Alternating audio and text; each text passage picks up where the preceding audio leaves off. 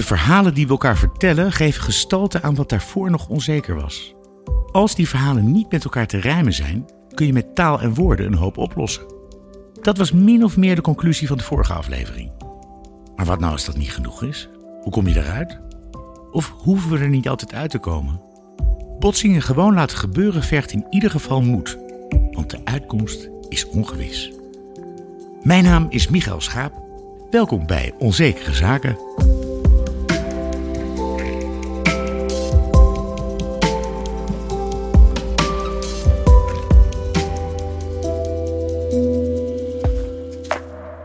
Democratie is niet voor bange mensen. In deze aflevering gaan we op zoek naar wat er nodig is voor een dappere democratie. Dat doen we met politiek adviseur Julia Wouters, maar we beginnen met onderzoeksjournalist Thomas Muns, die een pleidooi houdt voor niet minder, maar meer conflict in de democratie. Je zou zeggen dat dit niet echt in het straatje past van kunstenaar Merlijn Twaalfhoven. Hij en futurist Tessa Kramer die je later nog gaat horen, zitten net als in de vorige afleveringen in onze studio klaar om een en ander te duiden. Dat conflictueuze, sprak dat je aan? Want jij lijkt me niet iemand uh, van het mag een man van het conflict, maar juist van het harmoniemodel. Nou, en daarom dacht ik inderdaad, van, om een goed conflict te hebben, heb je heel erg veel belang aan een uh, speelveld, een gelijkwaardig speelveld. Want nou, dan, een parlement bijvoorbeeld. Ja, als... Dus als je een parlement hebt, maar van een bepaalde partij moeten mensen altijd met twee pingpongballen in hun mond praten, dat is niet eerlijk. Of de anderen die uh, moeten doen met gebarentaal of wat dan ook. Dan, dan kun je niet lekker met elkaar in conflict. Dus de voorwaarde voor een goed conflict is nou, dat, je, dat je een gelijkwaardige basis hebt. En dat ontbreekt er nu. Dus het is in die zin een hele grote opdracht om echt naar die basis te kijken. Van hoe kunnen we mensen de houvast geven dat ze met elkaar in conflict mogen. Want nu heb je heel vaak dat er mensen zeggen die zeggen van nou kom maar hier met het conflict. Want ik zit hier op een hele veilige, hele, nou, in die zin comfortabele positie. Thomas Muns is filosoof en onderzoeksjournalist. Hij is hoofdredacteur van platform Investico, dat samenwerkt met onder andere de Groene Amsterdammer, Trouw en Argos. Zijn onderzoek gaat vaak over het in kaart brengen van falend bestuur, waar het knelt tussen de burger en de overheid. We duiken meteen de diepte in. Hoe democratisch is Nederland eigenlijk? Je kan een matrix maken van landen in de wereld. En dan kan je uh, zeggen, Eén vraag, is het een democratische rechtsstaat? Dat wil zeggen, ben je als burger um, beschermd. tegen de overheid? Heb je als burger weinig obstakels om de problemen die jij ervaart te adresseren? En is de overheid niet toegelegd op het, eigenlijk op het opwerpen van die obstakels en het met de mantel der liefde bedekken van alles? Dat is één. Ben je een democratische rechtsstaat? Maar dan is er iets anders. Ben je een net land? Fatsoenlijk? Ja, ben je een fatsoenlijk land? Nou, in Nederland. Nederland is een fatsoenlijk en net land. We zijn een, in hoge mate een net land. Onderaan de streep. Onderaan de streep. Maar we zijn geen democratische rechtsstaat in de zin. En dat bewijst, als jij nou zegt van wat de, de top 10 grootste misstanden. Nou, de allergrootste misstand waar nog steeds de volle politieke um, consequenties niet uitgetrokken zijn, is de toeslagenaffaire. Denk erom, de zwakste mensen in de samenleving zijn vermorzeld met het systeem dat er zou moeten zijn om ze te beschermen. En, en ik krijg het idee dat mensen dat nog steeds niet beseffen. Het is niet zo alsof um, um, de lokale buslijn de kaartjes verhoogde en daardoor deze arme mensen minder vaak de bus konden nemen. Nee, dat overkomt arme mensen ook. Maar dit was het systeem dat deze mensen enigszins overeind kon houden. Kon zorgen dat ze goede huizen konden huren. Dat ze hun zorg konden betalen. Dat ze hun kinderen um, naar de opvang konden sturen. Zodat ze iets van boven de armoede uitgetrokken zouden worden. Zoals je dus in een beschaafde samenleving zou moeten doen. En dat systeem, om hen te helpen, is ingezet om ze te vermorzelen. Ja, vanwege de efficiëntie, omdat. Maar door een bestuurlijke, bestuurlijke tussenlaag. Toch? Ja, door een uitvoeringsorganisatie, de Belastingdienst.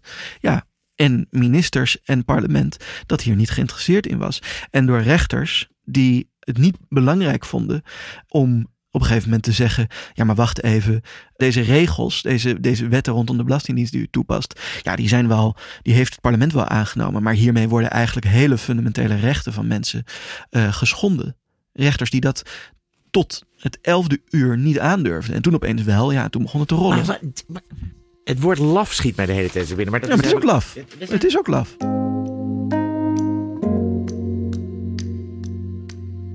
Wij zijn volgens de heer Muns een fatsoenlijk land, maar geen democratische rechtsstaat. Als je gerustgesteld wilt worden, nodig je geen onderzoeksjournalist uit. Maar we zijn toch nog wel gewoon een parlementaire democratie? Ja, maar ik weet niet of parlementaire democratie of dat nou het interessantste aspect is van een democratie. Wat is, het meest cruciale? wat is het meest cruciale dan? Ik ben journalist natuurlijk, een onderzoeksjournalist, maar ik ben ook nog uh, filosoof. En iedere filosoof heeft, heeft een favoriete filosoof. De pet philosopher, zijn huisdierfilosoof. Um, en die van mij is uh, John Dewey. Dat is een um, mid 20e eeuwse Amerikaanse filosoof. En die heeft een hele mooie, heel erg goed heel goed modern passend verhaal over wat democratie zou moeten zijn. En die zegt eigenlijk een democratie is gezond en is een echte democratie in zoverre als dat iedereen in staat is iedereen die deelneemt, iedereen die lid is van de democratie, iedereen die er onderdeel van is, um, in staat is om een probleem te adresseren en daarin gehoord te worden en dat op de agenda te kunnen zetten. En het is een totaal andere democratie dan stemmen. Hè? Stemmen, stemmen is eigenlijk heel raar. Als je, als je kijkt naar, naar wat wat we van een democratie verlangen, ehm, vanaf de oudheid tot nu, dan is dat dat mensen zichzelf kunnen regeren. Of in ieder geval dat ze de mogelijkheid hebben om te participeren in het zichzelf regeren. En dan zeggen wij, ja, dan hebben wij een heel mooi systeem voor. Dat noemen we dan de parlementaire of de representatieve democratie. En, en dan hebben we eens in de vier jaar het feest van de democratie. En dat is dan het moment waarop iedereen zegt, hier, jij mag het doen, ik doe het niet. Want dat is wat de verkiezing is. Je zegt tegen iemand anders, doe jij het maar, ik doe het niet. Uitbesteden. Het is uitbesteden. En, en uh, ik snap wel dat het handig is en dat het institutioneel nodig is. Maar het is eigenlijk heel vreemd dat we dat het nou het belangrijkste aspect vinden van onze democratie. Dat we daarop focussen. Um, als dat zijnde van ja, dat is nou echt, uh, dat doen we goed. Het is natuurlijk belangrijk, het moet ook gebeuren. Uh, en het, is ook, het doet ook maar vooral één keer in de vier jaar. Maar is de, dat vind ik niet de kern van wat een gezonde democratie is. En, en, en ik geef het een laag rapportcijfer in Nederland, omdat ik denk dat er heel, voor heel veel mensen op heel veel verschillende manieren allerlei obstakels liggen om problemen te adresseren. Laten we eens wat obstakels bij de hand nemen. Ja. Um, hoe is het met, oké, okay, het is flauw om over consumentenrecht bijvoorbeeld te beginnen, maar hoe, hoe, hoe, hoe beschermd is de Nederlandse burger ten opzichte van de staat? Ik bedoel, wat zijn de mogelijkheden? Nou ja, kijk, luister slecht. Um, een tijd geleden, naar aanleiding van de toeslagenaffaire, verscheen er een opinieartikel in de NRC met als uh, kop: uh, Je kan in Nederland beter verdachte zijn dan burger. Als je kijkt maar dan kijken we heel specifiek naar het bestuursrecht. Dus de manier hoe de rechtspraak jou beschermt tegen, tegen een overheid. Ja, dat is niet goed geregeld in Nederland. Uh, je hebt daar, uh, um, je hebt eerst een bezwaarcommissie bij de, over, bij, de, bij, de, bij de overheid zelf waarmee je in conflict bent. En eigenlijk moet je dan al heel snel naar een bestuursrechter en dan heel snel naar de Hoge Raad. En die toetsen allemaal eigenlijk vol vertrouwen dat, dat, netjes, dat overheden dat netjes doen. Dat ambtenaren um, um, zich in ieder geval, die, die, die toetsen met de veronderstelling als een ambtenaar zich in ieder geval in zeg maar, de documentatie die ik als rechter hier zie, als die zich netjes aan de procedure gehouden hebben, dan is het rechtvaardig. Dan, is het, dan heeft het recht gezegevierd. Dan is dit goed. Dan, dan heeft de burger geen zaak tegen uh, een overheid. Maar ja, daar zitten dus allemaal stappen in. Want ja, uh, oké, je kijkt naar dat papier. Je kijkt naar of er een regel is gevolgd. En je kijkt niet of er. Dat, dat kunnen ze dus ook bijna niet doen. Of er algemene rechtsbeginselen zijn toegepast. Ja. En zoiets als de menselijke maat, die, dat hoor ik ook dat, Ja, de menselijke maat. Ja, maar daar hebben, dat vind ik ook heel grappig. Dat vind ik dan weer typisch zo Nederlands. Ja. Um, uh, dan gaan we het over de menselijke maat met elkaar hebben. Van, van um, um, ben je wel aardig geweest? Heb je wel een beetje er oog voor gehad? En wat dat dus typisch doet... En dan kom je echt weer terug op, op ook hoe, zo'n, uh, hoe ik vind dat een democratie moet, moet uh, functioneren. Dat kijkt dan typisch naar, zijn we wel aardig voor elkaar? Heb je wel oog voor elkaar? Nee, de vraag is, en dat is bijvoorbeeld als je een constitutioneel hof hebt, of je hebt een, een iets, iets aan dat hebben we niet, um, of een iets Amerikaanser model met een echte constitutie, die dus zegt: dit zijn jouw rechten, en dit zijn je grondrechten. En een overheid kan op zijn kop gaan staan, maar die grondrechten die mogen niet geschonden ja, worden. En toezichthouders met die een vuist kunnen maken in plaats van een beetje toezicht houden. Dat soort Be- zaken. Bijvoorbeeld. ja. Kijk, en wat dat is, en dat is waar we in Nederland echt belabberd slecht in zijn. ehm, ehm, wat, wat dat model is, is een conflictmodel. Is de, de vraag is niet. Kijk je naar de mensen en ben je lief naar de mensen en doe je, en dan citeer ik Hugo de Jonge, leuke dingen voor de mensen? Ja, en gezellig moet het zijn. Dat is ook een ding. Ja, en wat we ons niet realiseren in Nederland, is dat dat ten diepste antidemocratisch is. Juist. Omdat het namelijk ehm, mensen, en dat is echt, je vroeg naar wat zijn nou obstakels in Nederland om een probleem op de agenda te zetten. Nou, dat is een van de grootste obstakels. Is ja, je, je mag wel je zegje doen. Iedereen, hè, iedereen in Nederland heeft vrijheid van meningsuiting. Maar je mag niet andere mensen kwetsen. Je mag niet iets zeggen waardoor het niet gezellig is. Je mag niet een motie indienen waardoor ambtenaren ehm, en, en beleidsmakers en adviseurs zich wel eens teniet eh, ehm, eh, gedaan zouden voelen doen. Ja, en dat, dat, dat, dat is een hele vreemde deken die over alles heen Ja, en hoe verklaar je dat? Dat is natuurlijk een cultureel paradigma ook mede, vermoed ik. Nou, kijk, ik. ik ehm, Cultureel. het is eh, cultureel omdat het dus niet. Je kan heel makkelijk naar cultuur vragen. Bestuurscultuur in dit geval. ja, ja, maar ik denk, in, ik denk in dit geval even aan het boek van professor Wim Voermans. ehm, dat, on, dat een paar maanden geleden uitkwam, getiteld Het land moet bestuurd worden. Dat hierover gaat. Hè, van eh, ehm, vooral zorgen dat het parlement eh, niet het in de weg loopt. Want het land moet bestuurd worden. En daar had hij een heel erg mooi. eh, hij citeerde een, een, iemand die ik. Een politicoloog die me even ontschiet. Maar het motto van dat boek was onder meer van eh, het is een grote denkfout om te veronderstellen dat libertair paternalisme niet zou kunnen bestaan. Hè? Dus dat, dat ook in die vrijheid, eh, ondernemerschap. VOC-mentaliteit. Ja, nee, maar Nee. ook, maar ook de, ook de hè, mensen moeten hun eigen verantwoordelijkheid nemen enzovoort. Dat daar niet alsnog een soort van paternalisme aan in kan sluipen. Want dat is wat er gebeurde met die motie van eh, Simons. Sylvana Simons stelde in juli 2021 namens bijeen dat de huidige coronastrategie 30.000 doden tot gevolg heeft gehad en diende daarom een motie in voor een radicaal andere strategie. Premier Rutte noemde die motie onbeschaamd en onbeschaafd. Hij begon ook over innerlijke beschaving en jezelf kunnen censureren. Dat was, dat was inherent paternalistisch. Hè? Die zei eigenlijk van, ehm, dit is niet... eh, je, je zit nu in de bovenbouw. eh, je bent nu een, een klas hoger gekomen. Dit is niet hoe we, hoe we Zo ons zijn in onze deze... manieren, manieren. Ja, precies. Zo mag je je niet gedragen. En, dat, en, ehm, en dan kan je het over cultuur hebben. Maar wat we denk ik ehm, te veel met elkaar over het hoofd zien, is dat het ook gewoon heel fijn besturen is. Als je dit doet. Je kan het hebben over de VOC-mentaliteit. Je kan het hebben over de dominee en de koopman en de dit en de dat. En conflictvermijdend enzovoort. Daar kan je het allemaal over hebben.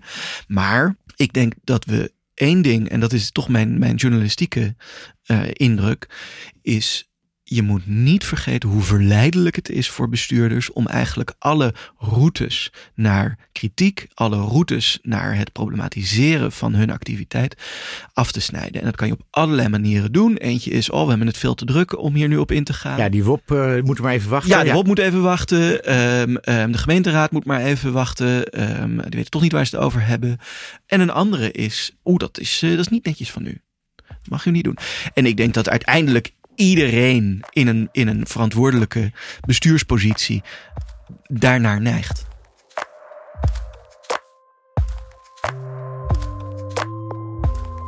In conflict schuilt onzekerheid. We weten niet wie er aan het langste eind trekt en dus ook niet welke kant het op gaat. Conflict omarmen is dus ook onzekerheid omarmen. Dat vergt moed. Maar hoe omarm je het conflict? Hoe bouw je een dappere democratie?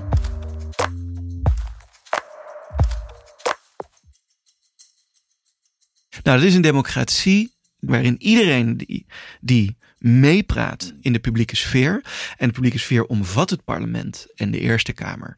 eh, maar ook kranten, tijdschriften, De toch? De Dit journalistieke, soort journalistieke sfeer. Ook. ook waar de ambtenarij als, als, als vierde macht Ja, je mag gezien. kiezen Ja, of oké. de vierde of de vijfde zijn. Ik, ik vind het helemaal niet erg om de vijfde te zijn hoor. Macht. ambtenaren mogen voor.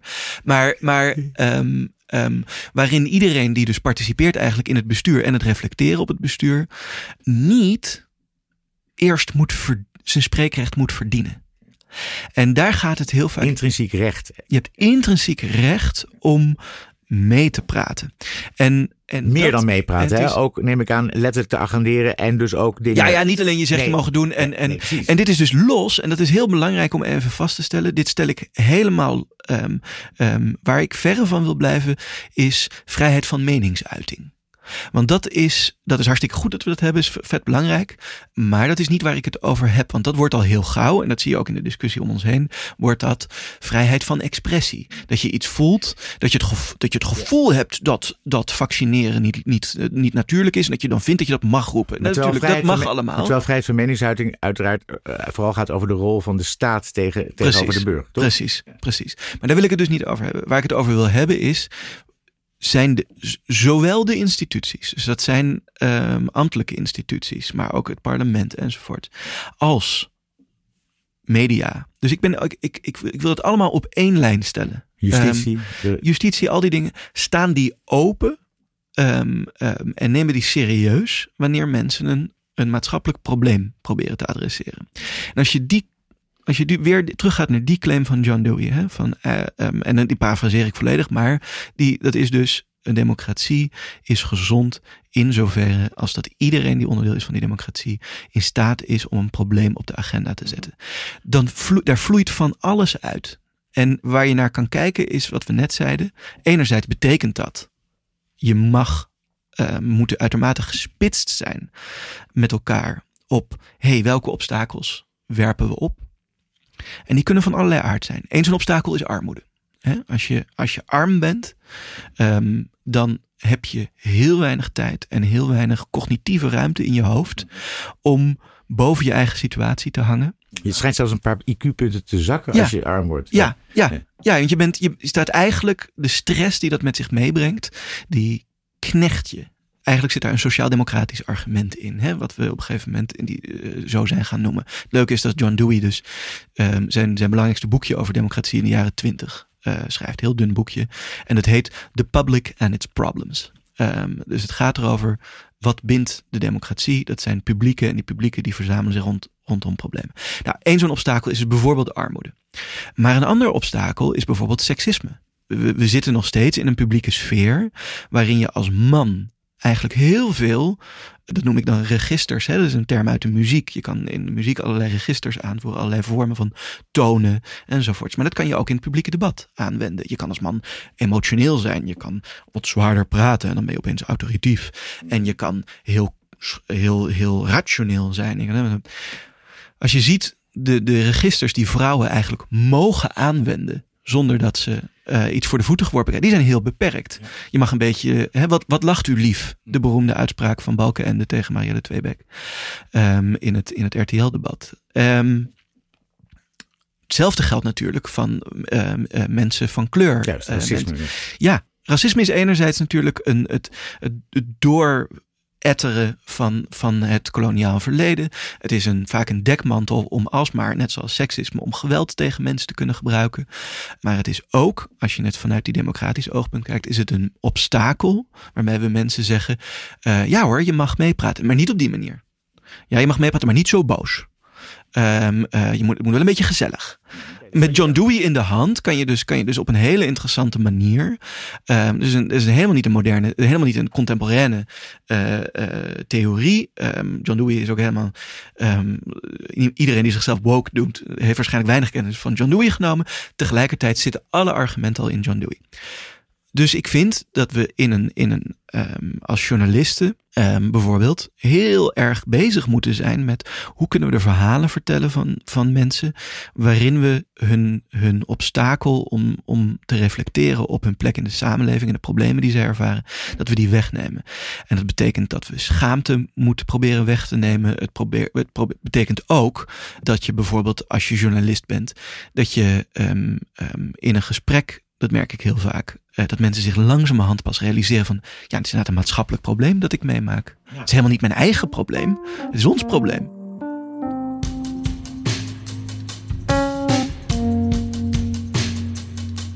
Vroeger hadden we de verzuiling. Dan was het duidelijker dat jouw probleem ook het probleem was van de anderen in de gemeenschap. Maar zuilen, daar doen we niet meer aan.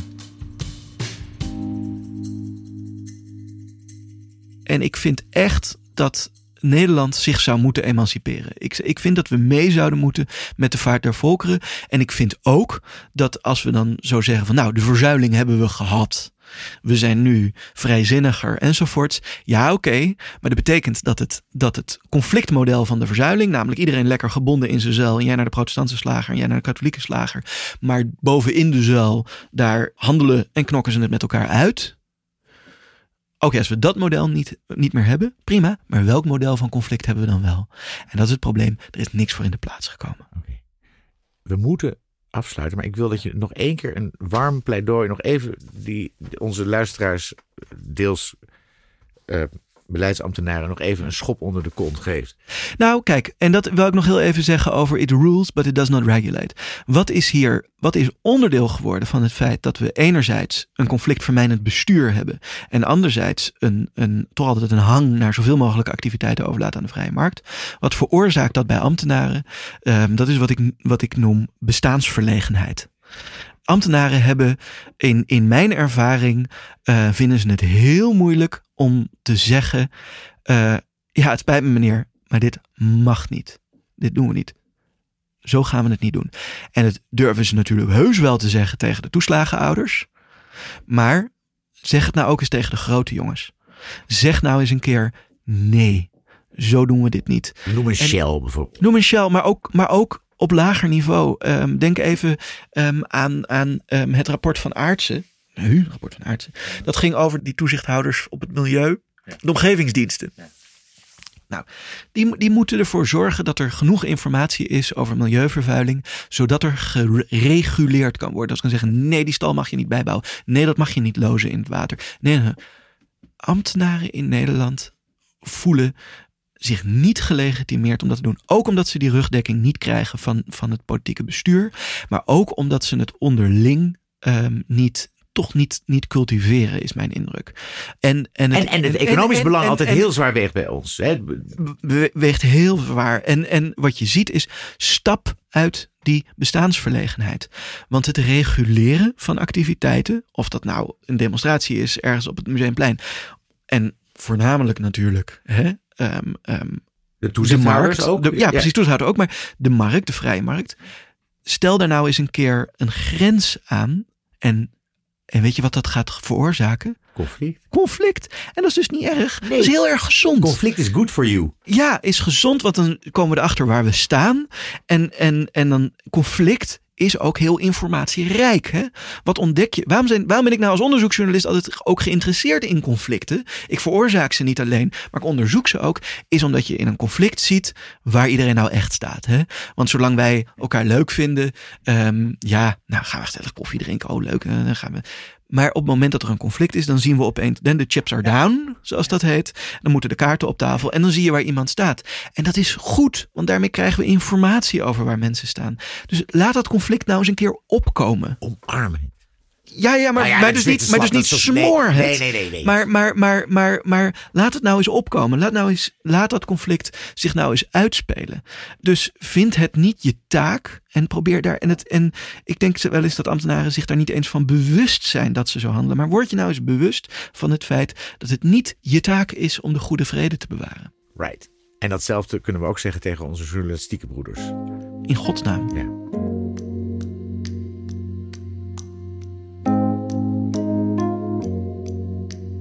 Terug naar de studio met futurist Tessa Kramer. Wat hij heel mooi zegt is uh, over de democratie: uh, wat ons bindt is conflict. Ja.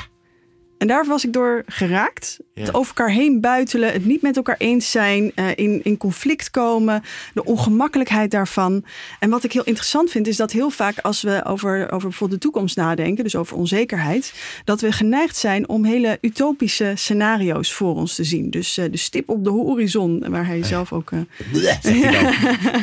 Uh, um, en wat er interessant aan is, is dat die stip op de horizon inderdaad een, het kan een perspectief bieden, het kan iets openen voor je, een nieuw perspectief geven. Maar punt is natuurlijk dat um, de fuzzy reality je altijd zal inhalen. En dat er mensen zijn die het niet met je eens zijn. Dat er conflict ontstaat. En dat daar juist het goud zit. Daar zit juist de waarde. Als je daar open voor kan staan en op kan anticiperen.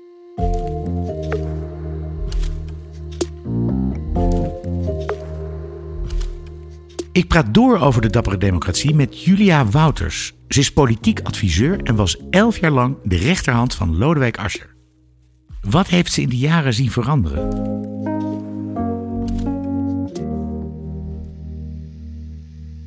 Wat ik heb zien veranderen is de wil om tot een politiek compromis te komen. Dus een compromis wat eigenlijk in de buitenwereld niet uitvoerbaar is of zelfs onwenselijke uh, realiteiten schept, maar die wel zorgen dat de, het conflict uh, gladgestreken is. Dus dat zie ik heel veel. Weet je, we hebben bijvoorbeeld het klimaatprobleem opgelost door dingen die op papier fantastisch zijn, maar in de werkelijkheid wordt het alleen maar groter. We komen tot heel veel politieke compromissen. de, de, de, vluchtelingen opnemen uit Afghanistan. Oké, we halen iedereen hierheen, maar dan gaan ze in een procedure. Dat zijn politieke compromissen. Dus dan weet je al, het is niet uitvoerbaar, want stuur ze nog maar eens terug. Dus iedereen die hier komt, is er. Wees daar dan eerlijk over. Maar dan, ons land zit vol van dat soort. En niet alleen ons land. Hè. Het is gewoon meer de politiek. gaat heel veel over framing en branding. Daar zijn spindokters mede schuldig aan. Maar als dat heel erg te kosten gaat van de inhoud, dan wordt het wel een probleem. In hoeverre speelt angst een rol? Ben jij angstige politici en bestuurders tegengekomen in jouw carrière? Nou, politici zijn heel erg angstig voor beeldvorming. En dat is ook niet helemaal onterecht. Alleen, uh, dat, dat, is raar vanuit mijn professie. Hè? Ik uh, ben erop gericht om de beeldvorming uh, te beheersen. Maar, en, jou, en jouw man of vrouw te beschermen. Ja, uh, en dat is zeker belangrijk in de, het huidige politieke systeem. Maar het moet niet een doel op zich zijn. Dus het, je doet het om dingen te realiseren. En als het een doel op zich wordt, wat het nu steeds meer wordt. Dus het gaat erom hoe komt het over in plaats van wat is. Hè, de, dan uh, schiet je je doel voorbij. Maar ik vind het wel altijd belangrijk om te zeggen: weet je, spindokters, mijn beroepsgroep, uh, werkt voor politici. Het is niet andersom. Dus als politici geen ideeën meer hebben, dan heb je dus alleen nog de spindokter die het geen ideeën hebt, probeert in een malletje uh, mooi hapbaar te maken. Terwijl het moet zijn, er zijn ideeën, er zijn idealen. En een spindokter helpt die zo te formuleren en op die momenten, op die manier te, uh, te zeggen. Zodat mensen ook begrijpen wat je wil en waar je heen wil. En uh, ja, op zo'n positieve mogelijke manier. Maar soms lijkt het wel dat het alleen nog spin is en heel weinig uh, meer suikerspin. Julia Wouters werkte zowel in de gemeentepolitiek als de landelijke. Ze merkte dat daar verschillend wordt omgesprongen met oneenigheid. Discussie en het met elkaar oneens zijn en kritische vragen stellen is heel erg nuttig. En nou ja, ik heb natuurlijk zowel in Amsterdam als in Den Haag gewerkt. In Amsterdam is het ambtenarenapparaat ontzettend kritisch en durft heel erg een bestuurder tegen te spreken en te bevragen. In Den Haag is het veel hiërarchischer opgebouwd en uh, is dat eigenlijk not done. En ik denk niet dat het beleid daar beter van wordt. Je moet juist ook als een wethouder of een minister of een staatssecretaris besluit toch iets te doen tegen het advies van de ambtenaren, is het goed om kritisch uh, bevraagd te zijn, omdat je uiteindelijk in de buitenwereld het ook moet gaan verkopen. Dus uh, ik vind er moeten meerdere, meerdere oplossingen zijn voor één probleem. Daar moet een advies bij komen, daar moet discussie bij zijn. Daar is een bestuurder bij gebaat. Dus durf kritisch te zijn, durf tegenopmerkingen te maken. En als ambtelijk leider durf je ambtelijk apparaat daar ook de ruimte voor te geven. Dat is super belangrijk. Aan welke kwaliteit moet je voldoen als beleidsambtenaar om succesvol te zijn? Een... Wat voor soort mens zie jij voor je, idealiter? Nou, kijk, een, een, een, ambtenaar weet vaak heel veel, is heel deskundig. Um, het is goed om daarnaast ook heel nieuwsgierig te zijn en niet bang te zijn voor mensen. Want dat zie je vaak, dat ambtenaren dat ze het heel moeilijk vinden om nog echt contact met mensen te hebben. Of ze helemaal schrikken om de als ze de telefoon moeten pakken. Je bedoelt de burger dan? Of de mens als burger? Bang voor de burgers. Uh, uh, denk niet dat je alles al weet. Durf jezelf te blijven bevragen en durf om je heen te blijven kijken. En weet je, absolute waarheden bestaan niet. Dus blijf nieuwsgierig. Dat is volgens mij een hele belangrijke eigenschap voor een goede ambtenaar. Ja. En, en, en ben je dan ook nog van die Jip en Janneke taal dat het ook moet? Helder taalgebruik en zo? Nou, als je niet meer weet voor wie je het doet, dan ben je echt de weg kwijt aan het raken. En um, het is heel verleidelijk om op te gaan in het jargon wat je met elkaar spreekt. Maar als niemand meer weet waar je mee bezig bent. Ja, ik geloof daar niet in. Ik heb in al die jaren dat ik rondom de ambtenarij en de politiek heb gewerkt, geweigerd om ooit jargon te gebruiken. En geweigerd om in afkortingen te praten. En uh, bleef ook steeds zeggen: wat betekent dat? Uh, omdat ik geloof dat je. Ja, op een gegeven moment ga je al die containerbegrippen met elkaar heen en weer duwen. En weet eigenlijk niemand meer nog waar het over gaat. Dus ja, dat, dat heet altijd hip de menselijke maat. Maar houd die voor ogen. Weet je, weet dat sociale cohesie. Iedereen verlangt er naar, maar niemand weet wat het is. Dus probeer het tastbaar te houden.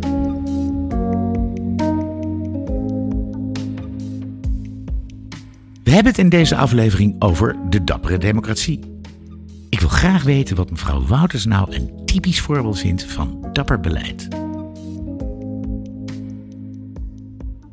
Een, zekere naïviteit en, en, en uh, overdreven daadkracht is niet slecht. Want heel vaak zie je dat de ambtenaren hebben zoveel bestuurders voorbij zien komen en alles al een keer geprobeerd en hebben al een soort van mismoedig gevoel van vooraf. Ja, gaat toch niet lukken, werkt niet.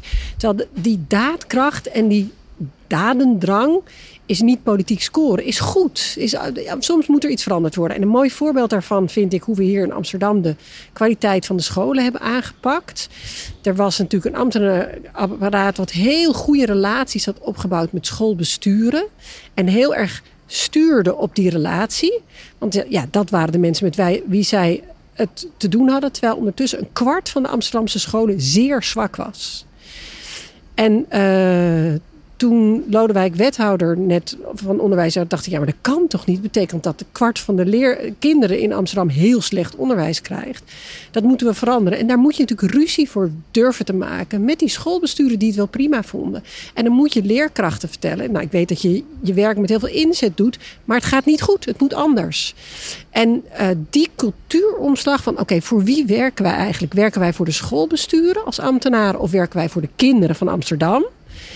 Uh, nou, dat ging met uh, best wel veel wrijving, maar daarna ook ontzettend veel glans uh, gepaard. Maar bij Asje geloof je ook, paste de inhoud ook bij, bij zijn persoonlijkheid. Je geloofde ergens wel dat hij dat ook echt meende. Hij was daar, ik merkte dat het, dat, dat het hem emotioneel raakte, zeg maar, de, de kinderen in de stad. Ja, dat, dat is mijn advies aan bestuurders. Weet je, ga op zoek naar jezelf waar je echt emotioneel bij betrokken bent. En raak dat niet kwijt terwijl je bestuurder wordt. En laat je niet afremmen door de ambtenaren die zeggen: ja, maar dat hebben we al geprobeerd, lukt niet. Is heel moeilijk, zou ik niet aan beginnen. Afbreukrisico. Nee, ga ervoor. En ja, zo hebben uh, de bestuurders in het verleden wonderen verricht. Wie het werk van Julia Wouters kent, weet dat ze bij het verrichten van die wonderen een belangrijke taak ziet weggelegd voor vrouwen. Of specifieker, vrouwelijke kwaliteiten. Ik zeg niet dat je per se vrouw moet zijn om vrouwelijke kwaliteiten in te zetten. Of man moet zijn om masculine uh, kwaliteiten in te zetten. Maar feminine kwaliteiten zijn luisteren, vragen, empathisch zijn, communicatief zijn, willen samenwerken. En dat, de, de politiek is uh, heel masculien en ook niet uh, minder masculien geworden in de loop van de tijd. Het is nog steeds heel erg weten, doen, zeggen. Um, en dat heb je ook nodig natuurlijk. Um, maar als dat meer in balans is, als dat alle twee ingezet wordt, dan zou de politiek daar een stuk herkenbaarder voor worden voor gewone mensen. Omdat uh, mensen vinden het heel fijn om te zien dat er naar elkaar geluisterd wordt. En dat er gezocht wordt naar werkende oplossingen. En dat het mensen empathisch zijn. En mensen echte ervaring hebben. In plaats van dat spel van kijk mij is de grootste en de langste hebben. Of je nou vrouw of man bent, conflict kan heel onzeker aanvoelen. Maar we hoeven niet altijd alles maar glad te strijken. Het kan heel interessant zijn om een conflict te laten ontstaan. Dan kom je erachter waar het precies schuurt. Het geeft zekerheid over wat er voor ons echt toe doet.